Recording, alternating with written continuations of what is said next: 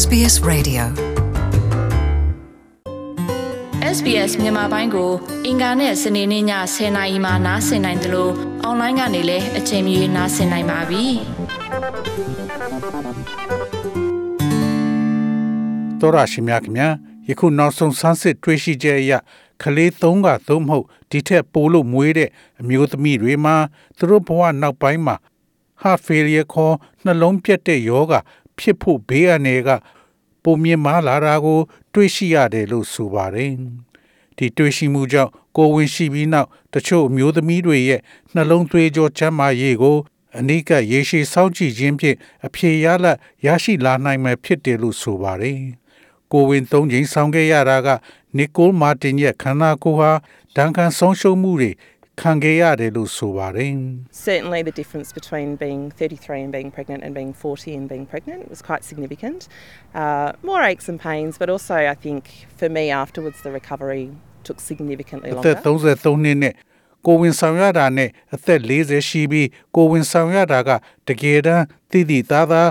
ကွဲပြားတာကသေချာပါတယ်ပို့လို့ကြိုက်ခဲတာနဲ့နာကျင်တာတွေခံစားရပါတယ်ဒါပေမဲ့တစ်ချိန်တည်းမှာကျမအတွက်က အဲ့ဒါပြီးတဲ့နောက်မှာပြန်လဲထူထောင်လာနိုင်ဖို့ကတည်တည်သားသားအချိန်ပိုကြာတယ်လို့ကျမထင်ပါတယ်အဲ့ဒီသူသေသနာအသေးရအသက်42နှစ်ရှိပြီးကိုဝင်ဆောင်တာကနှလုံးသားဖြစ်တဲ့ယောဂနဲ့ stiff heart syndrome ခေါ်နှလုံးသားတင်းမာလာတဲ့ယောဂဖြစ်ဖို့ဘေးကနေကပုံမမြင်မာလာတာကို တွေ့ရှိရတယ်လို့ဆိုပါတယ်။ဒီယောဂကအသက်60နဲ့80အရွယ်အမျိုးသမီးတွေမှာထုံးစံတိုင်းဖြစ်နိုင်ပါတယ်။ ဒါပေမဲ့ Baker Hardin Diabetes Institute ကသူသေသနာဒေါက်တာအန်နာဘေးပြောတာကတော့ကိုဝင်ဆောင်ပြီးဒီယောဂမကြာမီဖြစ်လာမယ်ဆိုတာပြသနေတဲ့ရှေ့ပြေးလို့ဆိုပါတယ် So, women who are developing this condition will be particularly affected when they're exercising. They may c- become quite short of breath on minimal exertion, and that's a key sign. ဒါကြောင့်ဒါမျိုးအခြေအနေဖြစ်နေတဲ့အမျိုးသမီးတွေမှာက သူတို့ကိုယ်လက်လှုပ်ရှားလေ့ကျင့်ခန်းလုပ်နေတဲ့အချိန်မှာအထူးသက်ရောက်မှုရှိနိုင်ပါတယ်။နည်းနည်းလေးအားဆိုင်ရတာနဲ့အသက်ရှူမဝတာမျိုးဖြစ်လာနိုင်ပါတယ်။အဲ့ဒီ institute ကသူဒေသနာနဲ့အတူ Melbourne Alfred Health က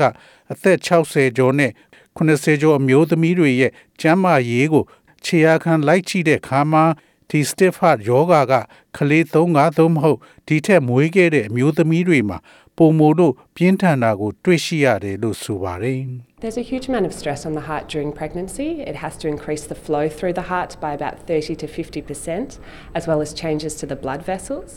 And this could certainly play a role in, in contributing to scarring of the heart and development of latent cardiovascular disease. ကိုဝင်ဆောင်နေတဲ့အချိန်မှာနှလုံးပေါ်မှာအလွန်ကြီးမားတဲ့ဖိစီးမှုကိုဖြစ်စေပါတယ်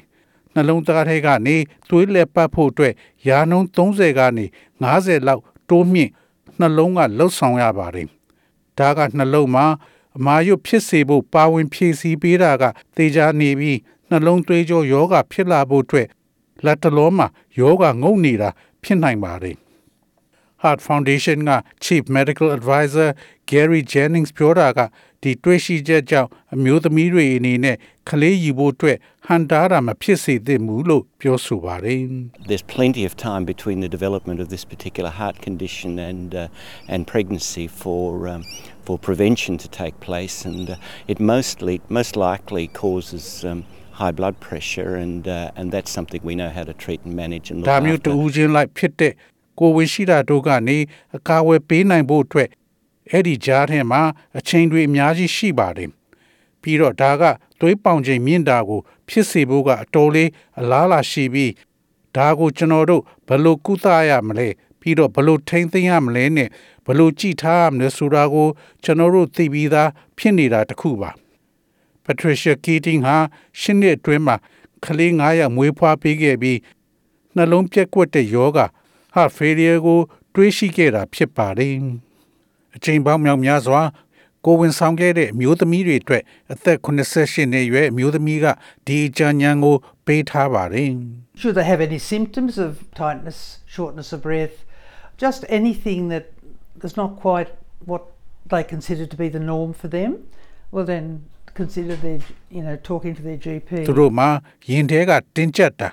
အသက်ရှူမပွားတဲ့လက္ခဏာတွေတွေ့ရှိခဲ့ရင်သူတို့အတွက်သာမန်မဟုတ်ဘူးလို့သူတို့ထင်မှတ်ခဲ့ရင် သင် GP ထံကိုသွားဖို့လှုံ့ဆော်ပါနှလုံးပြဿနာဖြစ်တဲ့ဘေးအန္တရာယ်ကိုယုံနေစေဖို့အတွက်အမျိုးသမီးတွေအနေနဲ့ပုံမှန်ကိုယ်လက်လေးချင်ကန်းလောက်တာကျမ်းမာရေးနဲ့ညီညွတ်မဲ့ကိုယ်လေးချိန်ကို ထိမ့်သိမ်းထားတာနဲ့သူတို့သွေးပေါင်းချိန်ကို ထိမ့်သိမ်းထားတာတို့လှုပ်ဆောင်ဖို့ကိုအားပေးနေပါတယ်။သူမကျမ်းမာရေးကောင်းမွန်ဖို့အတွက်အကာအကွယ်ပြုလုပ်တဲ့အနေနဲ့နီကိုလိုမာတင်ကခြေလမ်းတွေယူလှုပ်ဆောင်နေပါတယ်။ သူမကကျမ်းမာရေးစခန်းနဲ့ဘတ်စကတ်ဘောကစားတာတို့ကိုစတင်လှုပ်ဆောင်နေပါပြီ။သောရရှင်များခင်ဗျာမိသားစုဝင်တွေကိုစောင့်ရှောက်တဲ့တာဝန်တွေများနေပေမဲ့ကိုကျမ်းမာရေးကိုလည်းအရေးပေးလှုပ်ဆောင်မှုအရေးကြီးပါကြောင်းပြောဆိုရင် SBS သတင်းဌာနက Philippa Carisbrook ရဲ့ဆောင်းပါးကိုဘာသာပြန်တင်ဆက်ပေးလိုက်ရပါတယ်ခင်ဗျာ SBS မြန်မာပိုင်းကို အင်ကာနဲ့စနေနေ့ည10:00နာရီမှနားဆင်နိုင်ပါတယ်။နားဆင်နိုင်တဲ့နည်းလမ်းအများကြီးရှိပါတယ်။ Radio Digital TV online ဒါမှမဟုတ် SBS Radio App ကနေတစ်ဆင့်နားဆင်နိုင်ပါတယ်။ SBS မြန်မာပိုင်းအစီအစဉ်ဖြစ်ပါတယ်ရှင်။